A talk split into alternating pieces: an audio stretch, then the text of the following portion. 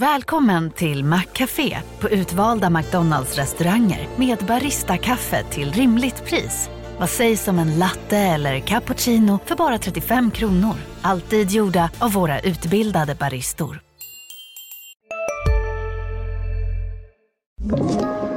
Podplay. Tjena kompisar! Innan vi river av det här avsnittet vill jag bara passa på att tacka alla er som lyssnar på den här podden och då menar jag verkligen alla.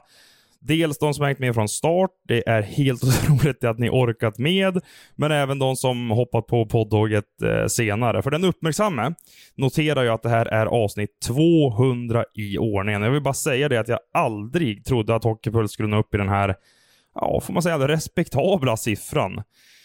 Och det är ju tack vare er, att ni hör av er, att ni kommer med inspel, engagerar er och att ni helt enkelt lyssnar på den här podden. Och det är jag evigt tacksam för. Och ni får jättegärna också skicka iväg ett betyg på podden i er poddspelare, om det är Spotify eller vad ni nu använder. För då ska jag se till, jag lovar det, att skjuta ut fler avsnitt från den här poddfabriken i framtiden. Så, hörni. Nu har jag snackat alldeles för mycket redan. Eh, det har blivit dags att hälsa er innerligt välkomna till avsnitt 200 av Hockeypuls podcast. Yes! Den här gången är Gabriel Landeskog, Colorados kapten och Sveriges bästa hockeyspelare 2022.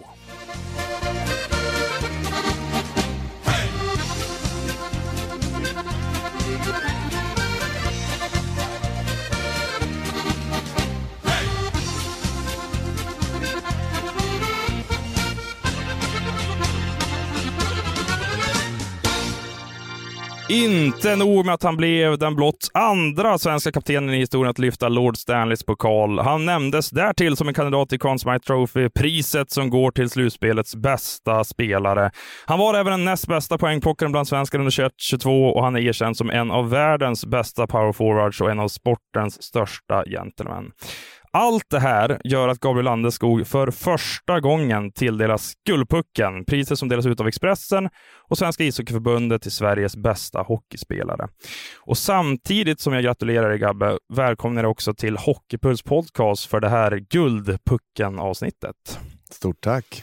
Hur känns det att toppa av den här säsongen med Guldpucken 2022? Nej, men det är ju det är bara en bonus. Alltså, det är ju ingenting man hade liksom vare sig siktat in sig på eller förväntat sig eller någonting sånt och höra motiveringen. Det känns ju helt underbart och jätteroligt. Så det, ja, det är fantastiskt roligt. Det har ju en månad passerat sedan ni vann Stanley Cup. Jag kan tänka mig att det var hektiska veckor för din del. Mm, det har ju varit det. Uh, direkt efter slutsignalen egentligen så går man in i någon slags dimma där och, och Även fast man kommer ihåg allt precis som det var igår så var man ändå Ja men man måste ju nypa sig själv i armen eh, och verkligen titta tillbaka på vad man verkligen ställt till med och försöka förstå själva hur stort det är. Och ja, sen veckan därpå följdes ju av efterfester och visa upp pucklan i hela Denver och paraden var ju helt otrolig och sen Eh, sen hade vi lite allt möjligt. Eh, alla olika sorters jippon där i Denver, men det var hur roligt som helst att få hänga med, med gubbarna som man har krigat med i två månaders slutspelshockey, men också hela säsongen innan. Och, och, och vissa lagkamrater har man spelat med i tio säsonger, elva säsonger. Eh, så det var ju helt underbart. Och, ja, det, det är svårt att sammanfatta och sen när säsongen är över då börjar folk ja, efter, efter en vecka ungefär så började folk åka hem lite så här och, och vi, är redan, vi var ju redan inne i juli liksom och, och, det blir en kort sommar så många började åka hem och håller lite sms-kontakt med varandra men alla vill ju njuta av det och, eh, med sina nära och kära som sagt. Så att det, eh, men eh, men det, nu, nu kommer ju bucklan här till Stockholm här snart och, och då blir det liksom verkligt igen då. Eh, även fast man har återgått lite till vardagen och, och sådär under sommaren är klart. Men, men man blir ju påmind när folk kommer fram och gratulerar en och, och nära och kära hör av sig. Och, ja, det, det har varit, man har verkligen varit inne i den här dim, liksom, dimman då, men det, det har varit helt otroligt. Innan jag frågar om din dag med bucklan, vem är egentligen Colorados partykung? För du säger att det har festats ganska mycket. ja. Nej, jag vet inte egentligen vem det är, men eh, Eric Johnson är ju våran äldre, vad ska jag säga, våran äldre lagkamrat som, som har varit med ett bra tag. Och hockeytermer ska jag väl säga att han är äldre. I verkliga livet så är han ju inte så gammal, han är 35 eller något. Men eh, han var väl den egentligen som, som började anordna saker hit och dit och höger och vänster och nu ska vi hit, nu ska vi dit, nu ska vi köra en barrunda här och nu ska vi visa upp den här och hit och dit. Så det var ju bara att haka på och, och njuta av allt egentligen och, och vart man än gick så var det ju, vart det en uppståndelse. Och, men, men, stämmer det att du dök upp näck på hans hotellrum Bucklan? Helt näck var jag inte, jag hade kalsonger okay. på mig. Det är så det har berättats faktiskt. ja, det var, ja. vad jag kommer ihåg i alla fall. Så efter två, två och en halv timme sömn så, så vill jag dela med den till han, för jag har sagt kvällen innan, du får, du får gärna njuta av den lite i, i, eh, innan vi tar bussen imorgon bitti. Så jag levererade den och jag antog att han skulle sitta påklädd och klar och, och vara redo för att ta emot den, men han jag hade ju väckt honom när jag knackade på dörren och stod och bankade. Så jag fick banka ett par gånger, men det, det var ju speciellt och, och, det var väl, eh, ja, det var häftigt. Det här avsnittet släpps efter att du har fått ta bucklan i, i Stockholm. Men kan du berätta för eh, våra lyssnare, hur ser planen ut egentligen? Eh, planen är att eh, vi ska få den ikväll redan. Eh, och då är väl tanken att jag ville bara ha en stund för mig själv och, och min närmsta familj. Då. Så familjen kommer över eh, hem till mig i Älvsjö och vi ska käka middag. Det blir ingen gourmetmiddag heller utan det blir mjölkstuvade makaroner, köttbullar och... och Klassiskt svenskt ska det vara. Ja, nej, men det är ju faktiskt det. Det är ju lite kanske barnsligt av, det, men, av mig men det är ju fruktansvärt gott och det har ju varit min favorit. Det är den rätten jag saknar mest när jag är där borta. Tillsammans med en kanske skagen och en, ja, lite sådär. Men eh, Just mjölkstuvar, makaroner och köttbullar är, har ju varit en favorit sedan jag var liten och det känns ju passande att njuta av det med Lord Stanley sittandes vid matbordet. Så det, det ska bli mysigt och, och speciellt eftersom morgondagen kommer vara fullspäckat schema och en lång dag. Eh, så, så tar vi lite lugnt ikväll och bara njuter av Lord Stanleys sällskap och varandras sällskap. Och, och sen imorgon så Eh, vi ska väl börja med att ta lite bilder, kanske runt om i Älvsjö och hade väl tänkt åka till min gamla skola, lågstadieskola uppe i Herrängens skola och ta, ta lite bilder där. Eh, bara för liksom, nostalgitrippens skull och, och kunna dela med mig. Jag har spelat mycket bandy på, eh, på skolgården där och, och, fotboll i kaninburen där. Och liksom man har ju sådana fantastiska minnen från från den tiden också. Eh, innan hockeyn liksom blev ja, dels seriös men också innan det blev mitt jobb. Då. Eh, och sen efter det så ska vi in till Hovet och eh, hoppas väl att det kommer lite barn och ungdomar dit och, och, och människor som som vill, eh, som vill se mig, men självklart Stanley Cup-bucklan. oavsett vilket rum man sätter bucklan i så är det den största kändisen, eh, vart den än går. Vilket Inspirerar alltså, ungdomar att kanske sträva mot den plats du är också? Ja, men precis. Och det, det var det målet var också, att eh, folk ska få komma dit och se den på, på nära håll och ta en bild och, och säga hej. Och, eh, för det är ju någonting jag tänker tillbaka, hade jag haft den möjligheten att göra det när jag var liten så hade det ju bara sporrat mig ännu mer. Så att, eh, det är väl det som är tanken. Eh, det känns väldigt häftigt att kunna göra det och verkligen overkligt också. Att, eh, att kunna vara den som, som står där med bucklan och ansvarig för den. Så det, det kommer bli häftigt och sen eh, ehm, och sen går rulla dagen vidare. Ehm, vi ska på eh, lill, vi ska till Lilla, Lilla Gärstagården. Eh, ligger utanför Stockholm en liten bit. Jag har en liten personlig koppling till eh, min brorson låg där eh, en tid innan min brorson gick bort för några år sedan. Eh, så det känns ju väldigt känsloladdat och speciellt och jag vet att det är speciellt för min bro, brorsa och, min, eh, eh, och hans fru Lisa. Då. Så det, det, det kommer bli speciellt men säkert rätt känslosamt också. Eh, Eh, vi ska dit och träffa lite personal som tog hand om min brorson då, eh, under den tiden han var där. Och även andra familjer som, eh, som kanske vill träffa Bucklan och träffa mig. Så det kommer bli speciellt. Och sen, sen därifrån ska jag väl ta, eh, ta lite break, komma hem, landa lite, duscha och sen eh, ska vi ta den till ett eh, ställe i Älvsjö då, som har betytt mycket för mig, Långbro värdshus. Eh, det har ju varit ett ställe som eh, vi har haft en personlig koppling till hela, hela familjen egentligen. Vi bodde ju inte så långt därifrån i, i Herrängen där i Älvsjö. Så att, um, vi var där mycket som barn och mycket som när vi växte upp och, och känner Fredrik Eriksson som, som äger Långbro och därför vill jag ge tillbaka till till han och de minnena jag har där. Och, så vi ska dit och vi har bjudit in familj och vänner och gamla lagkamrater, ungdomstränare, lite, lite allt möjligt. Och sen därifrån bär det, bär det vidare in till stan en liten stund. Så att, eh, ja, det är väl så dagen ser ut och, och, nu i efterhand kommer väl folk höra det här och då, ja, vi, vi får se om man springer på någon som, som har lyssnat på podden, men det, det kommer bli kul. Ja, och jag, jag hör att det är en helspäckad och häftig dag, men nu vill jag kasta oss tillbaka några veckor till den här finalen mot Tampa, för jag har två minnesbilder när jag tänker tillbaka på din final. Och det är ju det sista bytet i den sista matchen när Nikita Kutjov har det där läget vid högerna i cirkeln och så träffar han din skridskoskena. Du får hjälp ut av Nathan McKinnon. Okay,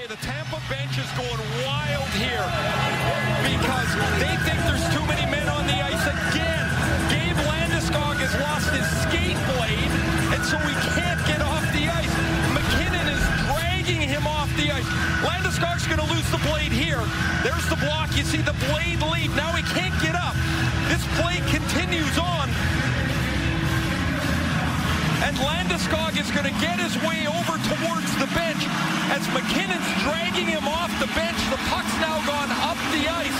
So as he crawls off, someone's jumping on on the other side. They're screaming that it's too many men. There's Lekkonen. You just saw him going by. He's the player that took Landeskog. Och det andra, det är ju paraden i Denver, när du står insvept i den svenska flaggan och det här talet som har blivit så ja, omtalat, om man ska använda det ordet här då. Ja.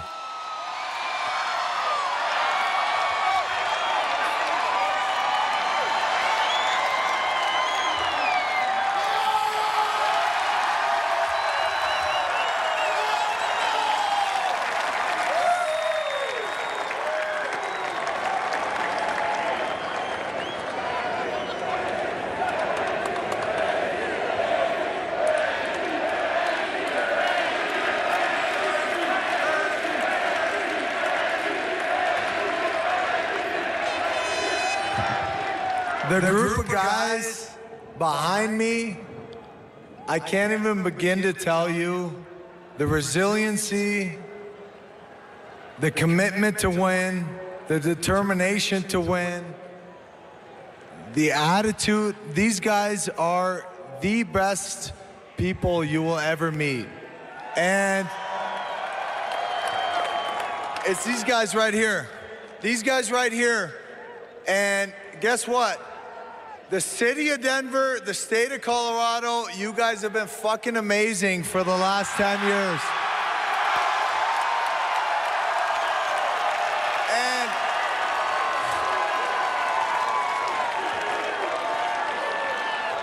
And we just want to thank all of you guys for all your support through the tough times, through all the good times. These are the guys that put the work in, the Andrew Coglianos, the Darren Helms, the Jack Johnsons, the Eric Johnsons, the Nathan McKinnons, the Miko Rantanens, the Darcy Kempers, the Pavel Francoses. I cannot even begin to explain to you guys how much love I have for these guys behind you and how much love I got for you guys. Thank you.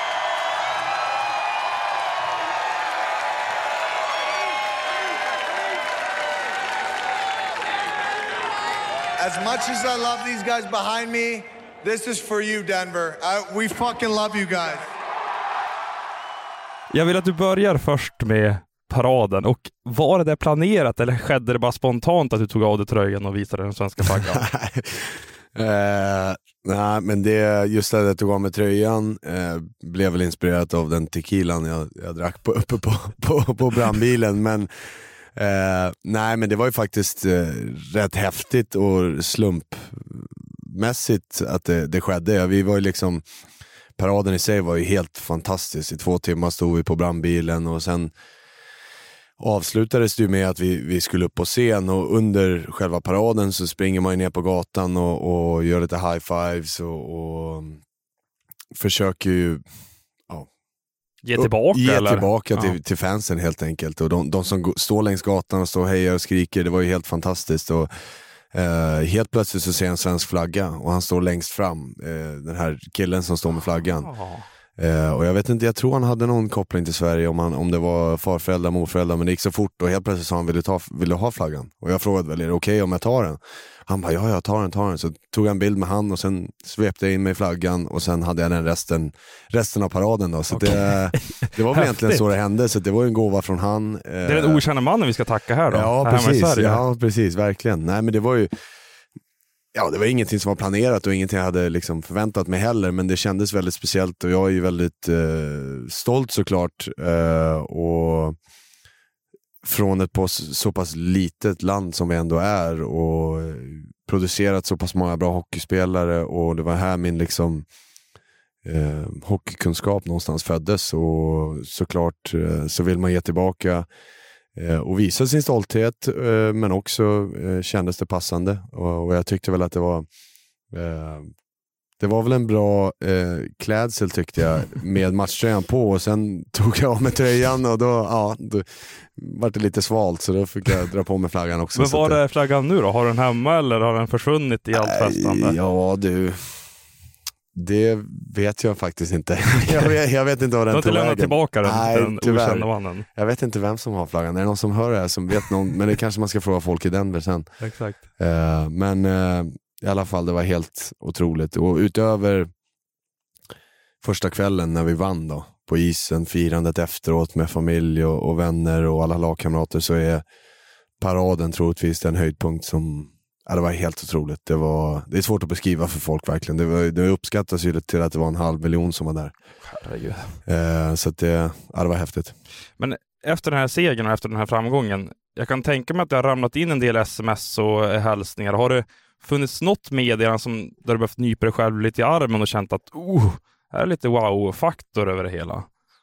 Eller som du har blivit stolt över kanske? Ja, jo men många. Det var ju, alltså, alla, alla sms som man fick och, och telefonsamtal och, och meddelanden hit och dit. Eh, alla betyder jättemycket och uppskattas väldigt mycket. Men, men när Sidney Crosby mässar eller när Ray Bork mässar, då, det var rätt tungt faktiskt. Det var till och med så att jag då fick jag nypa mig själv i armen och, och visa för Melissa, min fru, och sa Gissa vem som messade mig precis. Det, så det blir rätt häftigt. Eh, Vad skrev de då? Var det bara grattis? Ja, eller? egentligen bara grattis. Eh, Ray Bork skrev väl grattis, vilken otrolig resa du har gjort och, och ni har gjort som lag. Och jag blir stolt som, som gammal eh, Avs-spelare att liksom se er spela på det sättet ni har gjort och, och liksom nå det här målet. Så det var väl egentligen det och Crosby var väl ungefär samma sak. Att, vilken fantastisk resa. Eh, stort grattis. Och det, men, men som sagt, oavsett vem det är som har hört av sig så har det betytt väldigt mycket. Eh, och det, det tog ett tag att ta sig igenom de 200 plus sms man hade. Så jag be, har ju bett om ursäkt till alla att det tog sån tid. Men eh, nej, oerhört häftigt. Nu vill jag simma tillbaka till det där bytet som jag känner är symbolen på något sätt för Colorados tredje Stanley Cup-seger 96-01 och nu 2022. Vad minns du själv av det där och när du liksom kravlar ut i båset? Ja, jag, minns ju först att så jag stod ju som vänsterforward och Stamkos hade pucken på andra sidan. Eh, och egentligen är mitt jobb att täcka av genomspelet till just Kucherov. Och jag stod lite högt upp och jag stod lite i fel linje så jag täckte inte riktigt av den passen. Så när passen går igenom så tänker jag bara shit, det där är ju min, det där är ju min skottlinje som jag Så du agerar lite i panik där och Ja, det var ju ut. helt, eh, stod ju fel egentligen. Okej. Eh, och då är det ju bara ren desperation om man försöker få vilken ja, klubba, skridsko, vilken kroppsdel som helst i vägen egentligen. Eh, ja, vi får ju en del av, ja, täcker den ju och eh, sen inser jag när jag försöker ställa mig upp, eh, ramlar ju direkt så jag tänkte ja nu är skenan borta. Den är ju, man har ju sett att det har hänt folk tidigare och den här teknologin där skenan kan lossna eh, och sen kan du bara klicka i den egentligen. Den har ju funnits i 6-7 år kanske. Men det har aldrig hänt mig någonsin att jag har tappat skenan. Så jag tänkte det här kan ju inte hända första gången med en och en halv minut kvar av en Stanley Cup-vinnande match liksom, på bortaplan. Eh, så jag får lite panik där. Jag vet inte ens vem som fick pucken sen. Jag vet att den gick ner i hörnet och jag försöker ställa mig upp ett par gånger och försöker liksom slänga mig för att slå bort pucken, men man är ju helt hjälplös. hjälplös så att försöker ställa mig upp och lyckas stå upp och så kommer Nate och, och börjar knuffa mig och krama mig och putta mig bort och försöker liksom hjälpa till. Men jag väger nästan 100 kilo och står man på skridsko och bara, jag står bara på ett ben egentligen, då, det blir mer bara panikartat. Eh, och så var väl en tidpunkt när han började försöka knuffa mig och putta mig och jag tittar till vänster ner mot deras zon och ser, ser att de gör en spelvändning snabbt och börjar komma. Jag tänker, ju, men jag kan ju liksom försöka ta mig till båset, men nej, du, då spelar vi liksom tre mot fem. Så jag säger ju till honom, leave me, leave me. Typ så här. det var dramatiskt, lite filmiskt liksom. Ja, ja. Uh, så att, uh, ja, och sen till slut så släpper han ju mig och då börjar jag krypa. Liksom. Det går ju inte att göra någonting annat och det, det är inte så lätt att göra på hal is heller. Så det, det ser ju rätt uh, komiskt ut när man, när man tittar tillbaka på det. Men det är ju som du säger, det, det är ju filmiskt på något sätt och vi lyckas hålla ut i sista en och en halv minuterna och ja, the rest is history. Och du är kaptenen på den här skutan som innehåller så många skickliga spelare. Men jag skulle vilja prata lite om Cale McCarr och Nathan McKinnon. Alltså exceptionella hockeyspelare. Du känner dem ju väldigt väl. Kan inte du för lyssnarna berätta lite om de saker som du förundras över på träning och match som du så här, oj, hajar till att hände det där? Ja, nej men alltså, om man ska börja med Nate. Han är ju, alltså, hans styrka är ju såklart sin skridskoåkning och egentligen samma som Cale då, men de, men de är ju väldigt olika på sättet de åker på också. Och Nate är ju explosiv och, och han kan explodera ifrån folk. och, eh, och Han blir ju aldrig trött heller, utan han bara, bara gasar och driver upp tempot varje gång han får pucken. Så liksom hör du publikens liksom spänning och alla liksom håller i sig nästan för att man vet att nu, nu händer det någonting. Och och allt går så fort när Nate har pucken också. Det är det som är så imponerande. Att händerna, handlederna hänger med i den snabba skridskoåkningen och han är så svårläst och liksom avig. Eh, och kan göra lite vad han vill med pucken. Eh, men han, så förutom den skickligheten han har så tycker jag att folk någonstans har missat den utveckling han har gjort på den defensiva sidan och just under slutspelet. att ja, den, eh, han spelar ju fortfarande på över en poäng per match eh, i snitt. Och, men det offensiva jobbet har ju någonstans, någonstans liksom, ja, eh, tagit lite av en, ett baksäte för, för just hans egen del. För han har ju velat, han har ju känt såhär, men om vi kan vinna våra matchup, om vi kan eh, slå ut O'Reillys kedja i St. Louis i en andra runda, om vi kan vinna den matchupen eller om vi kan vinna mot om vi kan nollställa McDavids kedja eh, och även sen i finalen Stamkos och Kucherov. Om vi kan nollställa alla de här kedjorna så gillar, gillar vi våra chanser att vinna matchen. Och det är ju liksom hans, på hans eget initiativ att känna liksom att han tar det ansvaret för, för den rollen och, och det jobbet som vi gör som kedja.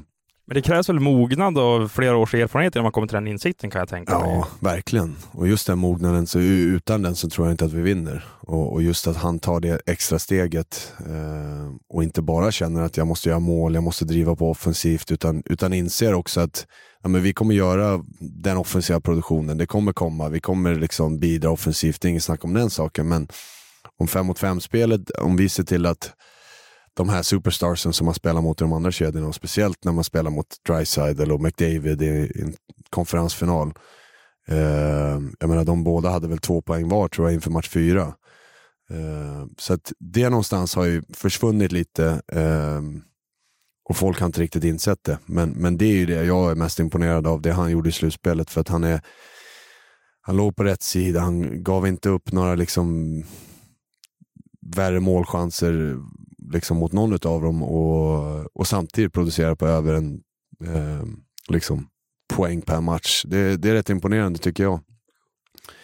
Och Cale McCarr. Vad ska man säga där Ja, då? vad ska man säga där? Ja, men alltså, från, från dag ett, han kom in 2000, 2019, eller vad var det, slutspelet där mot Calgary. Det var ju inför match tre, den serien, vilket var hans första NHL-match. Det var ju jag hämtar honom på hotellet för han har ingen bil och frågar liksom, är du nervös? Nej. Nej. har du vilat något? Nej, jag brukar inte vila på matchdag. Det var liksom, alltså han är bara så kolugn. Och det är det som gör att, det ser man ju verkligen på isen också. Han är kolugn, han liksom oh, hetsar inte upp sig i onödan, han bara kör sin grej och jag menar det krävs inte många minuter när man tittar på honom innan man inser att det här är en speciell spelare. Eh, och han håller ju på, han har ju redan liksom förändrat sättet man tittar på den moderna backen i ishockey. Eh, Visst är det Erik Karlsson 2.0, att han förändrade först på något ja. sätt? Alltså det blev ett paradigmskifte ja, där. Så. Och sen ja. kom Kelly McCarr och så blev det ytterligare en nivå på det. Ja, men verkligen. Och han är ju, där snackar vi explosivitet. Alltså, han kan ju ta två skär och sen är han förbi en forecheckare som ligger precis i, i baken på honom. Så det, det är häftigt att se och han är så han kan fly vem som helst på en forecheck liksom, och försöka forechecka han i på träning, det är ju nästan till omöjligt. Och när man går upp till han, när man spelar försvarsspel mot han på träning och du åker upp till honom på blå linjen, då måste man verkligen så här, ligga rätt och hålla, hålla i sig nästan, för han vickar ju bara och sen sticker han. Och det är den, det är den skickligheten, sen är det klart hans puckskicklighet och spelsinnet, det, är liksom, det försvinner ju någonstans när man vi är specialister på det vi gör, precis som du. Därför försäkrar vi på Swedea bara småföretag, som ditt. För oss är små företag alltid större än stora och vår företagsförsäkring anpassar sig helt efter firmans förutsättningar. Gå in på swedea.se företag och jämför själv. Hej, Synoptik här. Hos oss får du hjälp med att ta hand om din ögonhälsa. Med vår synundersökning kan vi upptäcka både synförändringar och tecken på vanliga ögonsjukdomar. Boka tid på synoptik.se. Titta på Cale, för man tänker inte på det. Man är ju mer bara sitter där helt förundrad över vad han kan göra för något. Eh, och vissa, vissa liksom passningar han slår, och det är liksom, ja, det är ju verkligen sky's the limit när du tänker på Cale. För att, han vann ju Conn Smythe också. Han nämns mm. som en Hart-kandidat till nästa mm. säsong också, en av ligans bästa spelare. Men nu vill jag prata om dig. Jeff Merrick på Sportsnet, han sa att du är som en schweizerkniv, den kanske bästa komplementspelaren i hela ligan. Spelar ingen roll var eh, Jared Bednar sätter ut dig i kedjorna, så funkar de kedjorna. Alltså det är en unik egenskap skulle jag säga. Va, vad är det som gör att du passar med så många? Ja, oh, jag vet inte, men alltså någonstans så har jag alltid haft lite av en inställning att jag vill vara bra på allt. Jag har alltid känt så här, men ja, när jag var yngre så var jag, alltså när vi pratade 13-14, då var jag ju rätt skicklig just med, liksom gjorde mål och sådär. Men sen gick jag in i en period där jag spelade juniorhockey hemma i Djurgården och, och då vart man ju mer, då gick man upp och spelade lite i åldrarna och då vart man mer fysiskt på något sätt och vart ju lite av den här powerforwarden som spelar boxplay och åkte runt och tacklades och liksom sådär och hade väl kanske, då försvann lite av den här spelskickligheten och jag kände så här, ja men då hade jag möjligheten att skriva avlagskontrakt med Djurgården och jag kände väl att ja, men jag har så många delar av mitt spel som jag vill förbättra och då ofta hamnar de här 16 och 17-åringarna eh, alltså i en lite mindre roll till att börja med och det är ofta, vissa växer fram och blir liksom NHL-spelare och jättebra och det det är ju väldigt individuellt det där, men jag kände just för min utveckling att jag, vill, jag hade mycket som jag ville utveckla och därför vill jag spela mycket och göra misstag och spela alla sorters liksom, spelformer, powerplay, boxplay. Eh, nej, men just spela mycket för det är då det utvecklas i mina ögon. Och, och åkte över till Kanada och fick möjligheten att göra det i Kitchener i OHL och, och utveckla spelet med puck, spelet utan puck. Eh, spelade mycket boxplay, spelade mycket powerplay, fick spela 6 mot 5, 5 mot 6. där någonstans hade jag ju fortfarande inställningen att jag vill vara bra på allt. Liksom. Jag vill inte låsa in mig och vara liksom en viss typ av spelare. Och den inställningen har ju följt med hela resan och nu 11 år i NHL. Att, alltså, jag var inte den som tog teckningar när jag kom upp i NHL, men jag ville lära mig att ta teckningar. Och nu tar jag ofta viktiga teckningar, vare sig det är powerplay eller egen zon eller vad det än är. Och det är ju någonstans den här, jag tror att den öppenheten som jag haft och ly, att vara lyhörd och liksom försöka lära mig av många, det är väl, jag tror väl att det är någonstans en styrka som jag har. Och, och, um, och sen att man passar in med olika kedjor och olika spelare. Det, jag tror att det, det är bara en produkt av det. och Man vill försöka hitta olika sätt att, att vara effektiv på. Um, så att, ja. Nu gör jag en egen tolkning, du får säga om jag har fel, men det känns ju som att du hela tiden förstått vilken typ av spelare du är och att du dels anpassar dig efter andra som vi är inne på nu, men även att du förstår att du måste underkasta dig systemet ibland för att laget ska bli bättre. Det är väl därför du har helt på bröstet också. Men känner du att oavsett vilken platå du har tagit dig i under din hockeykarriär, så har du hela tiden känt att okej, okay, jag vet vad jag behöver göra här för att ta en tröja till exempel. Mm. Ja, jo. jo, men så är det nog. Eh, och den förståelsen kommer väl någonstans från att bara vilja lyckas vart man än är, tror jag. Och vilja vara en del av ett vinnande lag och vara en del av ett lag som är bra, men speciellt ett vinnande lag, gör ju att individen får framgång också. Och det, jag tror att det är det många har det lite bakvänt, att om du är en bra individ så kommer liksom laget lyckas. Men jag har alltid sett det tvärtom, att om laget lyckas då kommer alla individer lyckas utifrån det och det kommer se bra ut. Vare sig nu är man på en proffsnivå, då handlar det om liksom nya kontrakt, nytt jobb. Eh, för är du en del av ett vinnande lag, eh, ja, då kommer alla liksom bid, eh, lyckas från det och liksom dra nytta av det och få nya jobb och då är det helt plötsligt en vinnare och, och spelar man på en yngre nivå då är det Spelar du ett vinnande lag, ja, då är det fler folk som kommer och tittar. Fler, liksom, vare sig det är scouter eller vad det än är, kommer och tittar. Och, så där någonstans tror jag att eh, ja, vilja vara en del och hitta ett sätt att vara en del av det vinnande laget är ju liksom en del av förståelsen. Att försöka inse vad behöver jag göra för att laget ska bli bra. Och då spelar det ingen roll vilken roll det är, men det någonstans tror jag har varit nyckeln för mig. Du nämner kontrakt här. För exakt ett år sedan satt du utan avtal. Sen signade du med Colorado 8x7 den 27 juli. Det är bara två dagar tills dess faktiskt. Sista 25 juli, måndag. Mm. Um, hur nära var det att det inte blev Avs for life? Om man ska säga så. Nu vet vi inte vad som händer nej, när kontraktet går ut. Men... Nej, precis. Men, eh... nej, men alltså, det var väl rätt nära. Vi var väl 15 minuter ifrån deadlinen innan öppna marknaden öppnade. Liksom. Så det var ju rätt nära innan vi kom överens. Men jag var ju rätt tydlig från liksom, dag ett att säsongen var slut. Vi åkte ut mot Vegas i andra rundan och folk började fråga. var jag rätt ärlig med att säga att det är ju här jag vill vara. Det är Colorado jag vill vara. Det är den staden jag växt upp i. Det är liksom, jag vill ingen annanstans. Men sen, sen är förhandlingarna där borta. Det är liksom det är ju affärer och det är ju business och det, det inser man ju rätt snabbt. Det säger ju alla som har gått igenom det här. Man inser det först när man, man går igenom det själv och, och, så var det för mig också. att Ja, det är lite mind games, det är lite liksom, det är business och så är det. Och för min del var det väl eh, har vänner blivit ovänner? Nej, att, absolut. Kan det förändras på något sätt? Okej, okay, jag trodde inte det här om dig. Nej, så, ja, men jag skulle inte säga så, men det har väl möjligheten att bli så. Men för min del var det ju liksom, jag,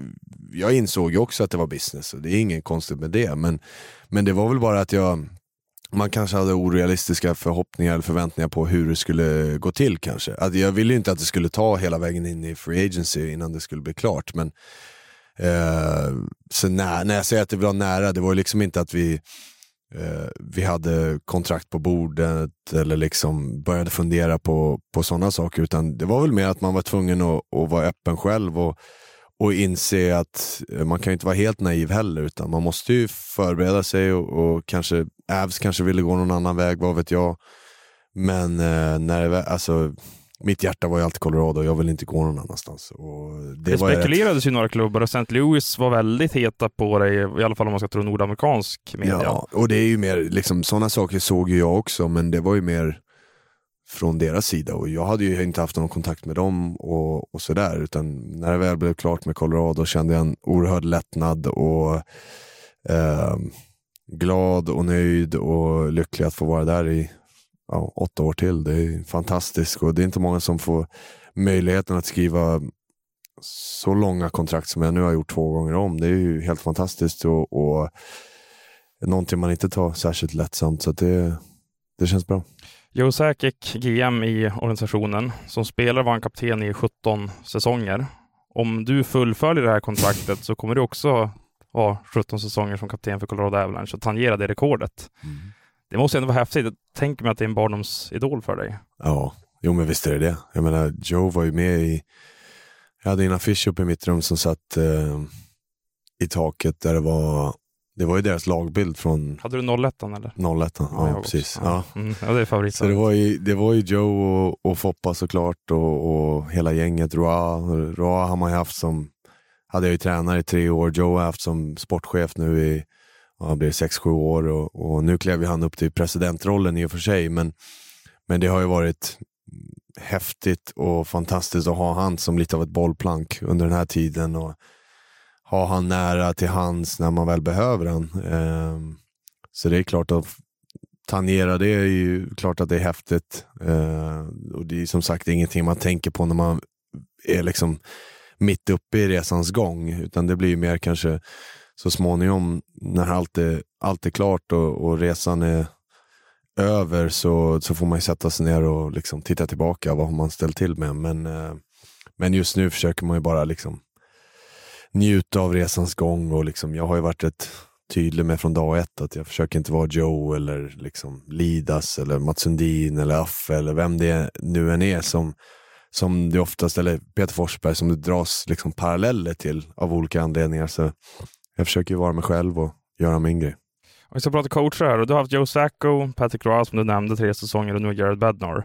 Eh, vi förbiser Joe Sacco ett tag och så skulle jag vilja att du jämför Roy mot Bednar. Mm. Eh, Bednar var ju säkert första tränarrekrytering ska vi också säga. Mm. Eh, vad skiljer dem åt och finns det några likheter? Roy har ett visst temperament har man ju förstått. Ja, Till exempel. Jo, ja, men precis. Nej, men alltså de är ju väldigt olika varandra skulle jag säga. Eh, det finns ju inte... Alltså Joe, eller vad säger jag? Roa, pa Patrick hade ju, han hade ju den här glöden verkligen. Och den syntes ju. Eh, vem som helst som har träffat Patrick någon gång eller bara liksom sett han på tv eller vad han är, mm, ser, ser ju den direkt och liksom den här karisman och glödet och, och energin som han för med sig. Det, det går inte att gömma sig ifrån och han var ju väldigt bra på att motivera laget, väldigt bra på att trycka på rätt knappar vid rätt tillfälle.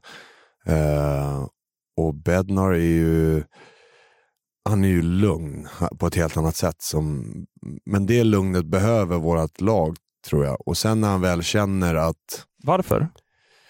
Ja, men just att vi, vi har väldigt många som är väldigt intensiva och liksom har den här energin som, som man behöver. Då när han kom in i omklädningsrummet mellan perioder och bara eh, han- liksom utsöndrar ju ett helt lugn som, som sprider sig. Och, och väldigt, han är väldigt pedagogisk, väldigt eh, smart när det kommer till hockey. Han har coachat väldigt länge på olika nivåer såklart. Men, men hans spelsystem är i mina ögon väldigt bra.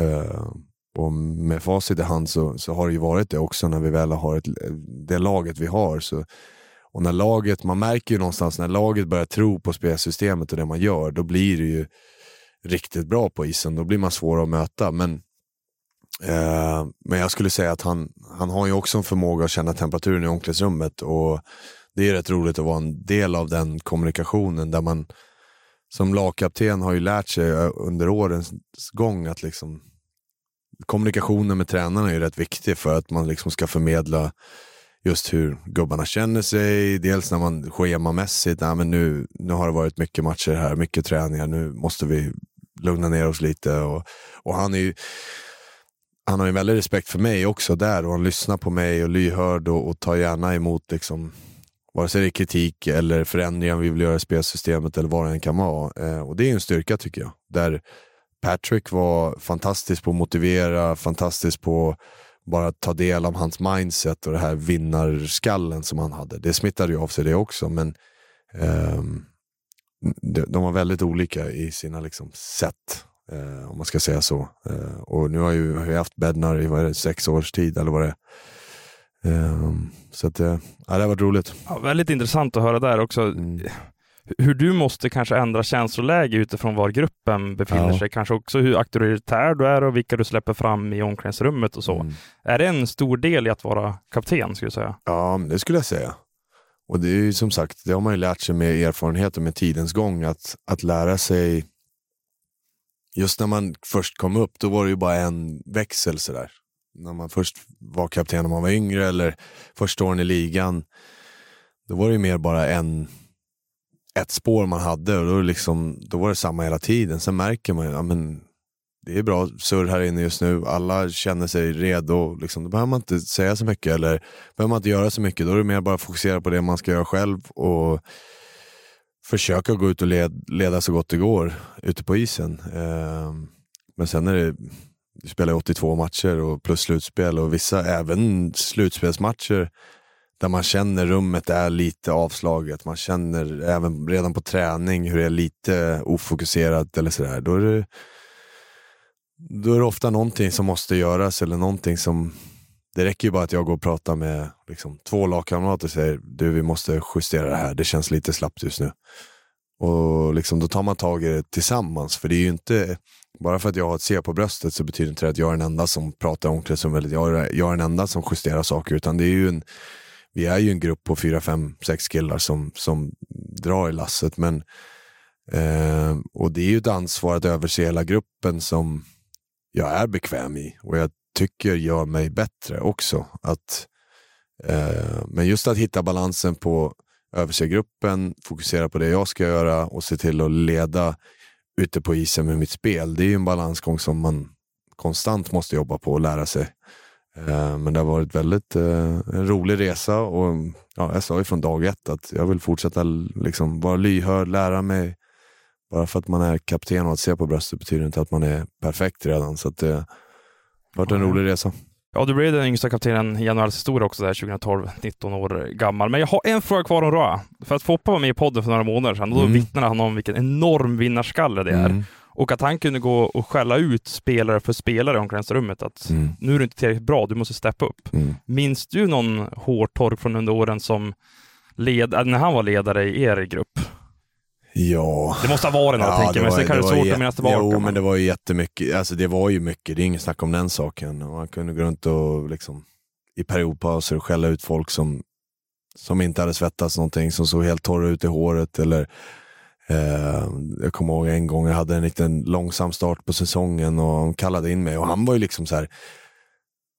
Skulle han vara riktigt hård då kallade han ofta in, in en i tränarrummet eh, för att göra det liksom han ville ju inte såga folk vid fotknölarna inför alla hela tiden, utan det, det var ju liksom någon gång ibland sådär. Men, och det respekterar jag med, med Paddy, att han var liksom, det var man mot man liksom, mellan fyra ögon som han, han var som hårdast nästan. Eh, det var väl någon gång jag hade en långsam start på säsongen och han kallade in mig och helt lugnt och sansat sa han bara, du vet att du är eh, on pace for eight goals or thir- and 36 points this year. Och det var ju bara så här, jag hade, ja, då hade jag väl kanske personbästa på 65 pinnar och liksom hade väl gjort 26 mål och så här. Bara helt lugnt och sansat, du kommer ha 8 mål och 36 poäng i år. Som, som du är på väg mot just nu.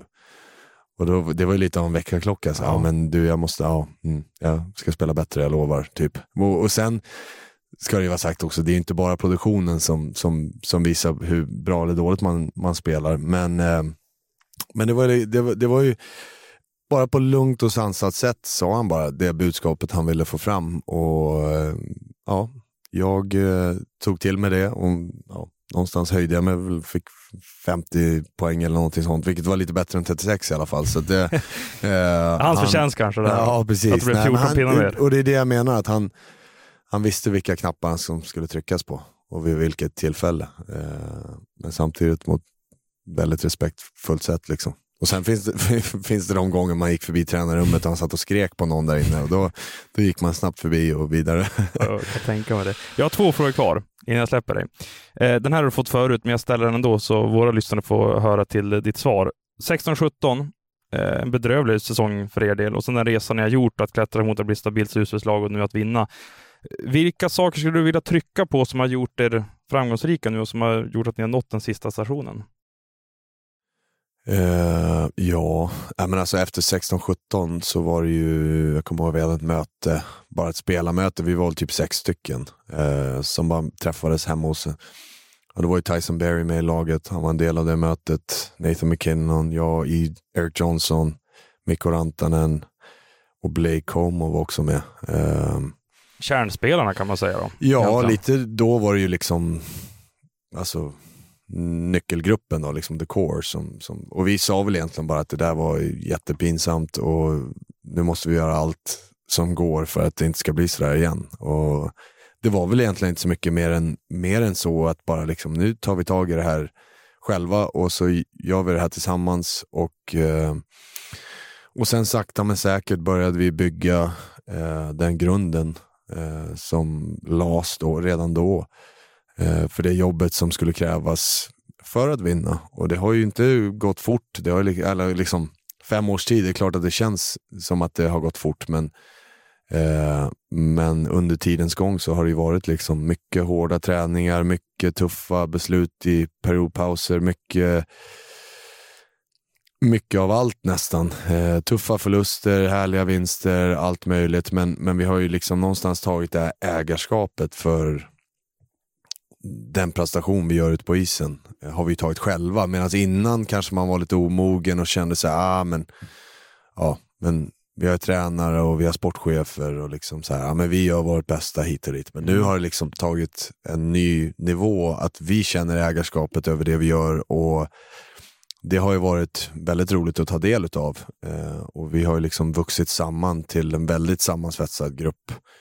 Eh, och, och, det är klart att, som jag sa innan, att när man tror på det man gör på isen och man tror på tränarens spelsystem, man tror på eh, det man gör i powerplay som liksom, det är ju vi som, även om man har en tränare som, som visar mycket video och, och liksom är som ett bollplank, eh, så är det ju vi som ofta har ett möte efter powerplay-mötet. Vi i vår formation, andra formationen i deras formation, där man sitter och säger mot den här PK-formationen, mot den här boxplay-formationen så tycker jag att vi söker mer skott härifrån eller vi, vi testar den här varianten eller vi gör det här. Så det, det här ägarskapet över det vi gör tror jag är väldigt viktigt med såklart eh, guide, att bli guidad från tränarna och så också. Eh, men det är väl en, jag tycker att det är nästan den största anledningen till att vi är här idag, att vi har tagit ett helt annat ansvar för det vi gör. Eh, och sen såklart att vi har fått in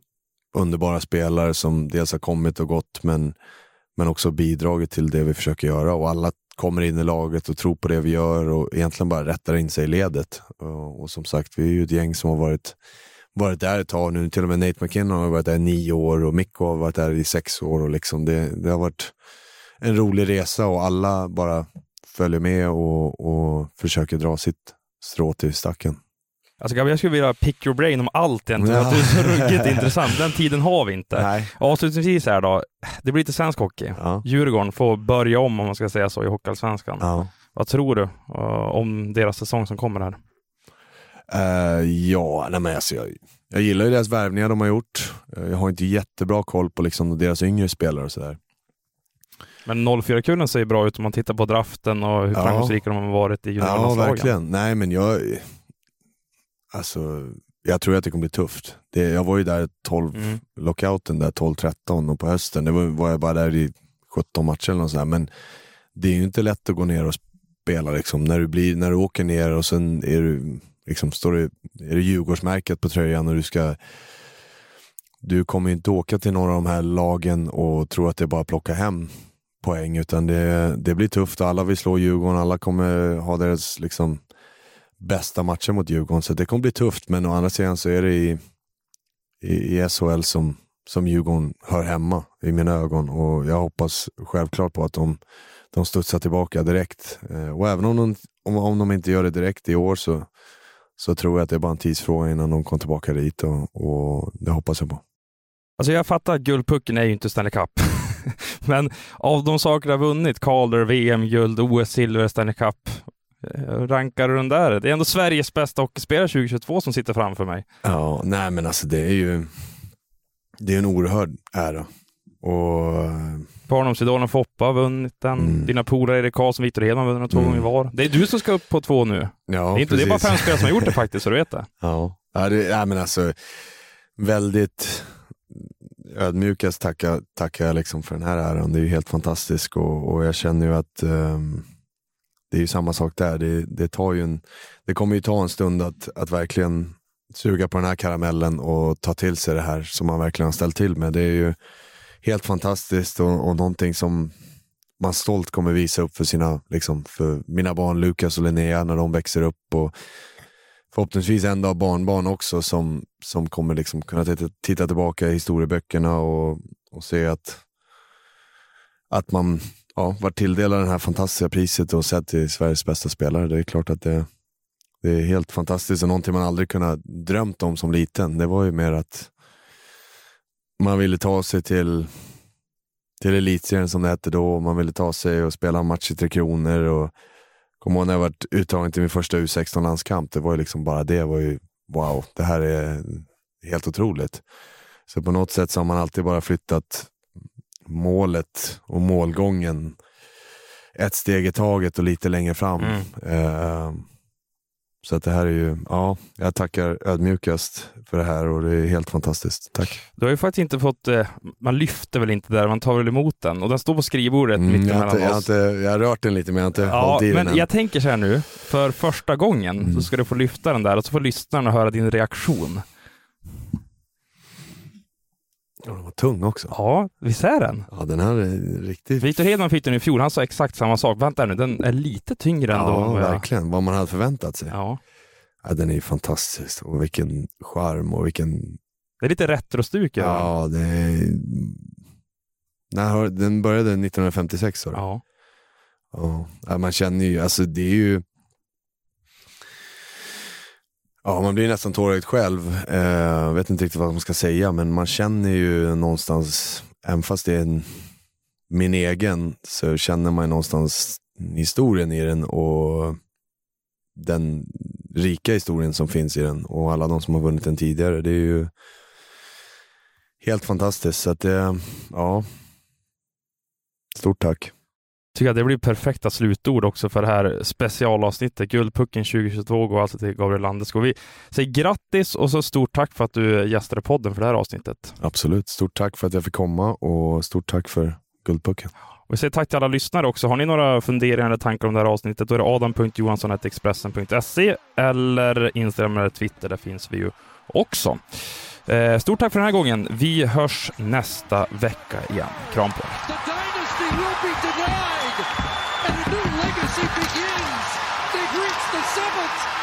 The Avalanche are 2022 Stanley Cup champions.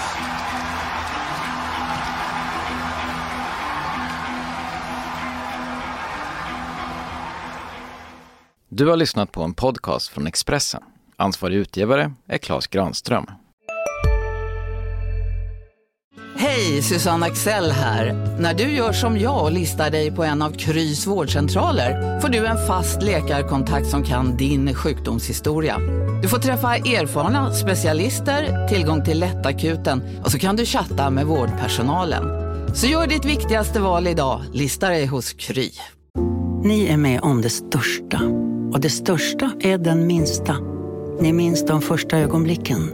Och den där blicken gör er starkare. Så starka att ni är ömtåliga. Men hittar trygghet i Sveriges populäraste barnförsäkring.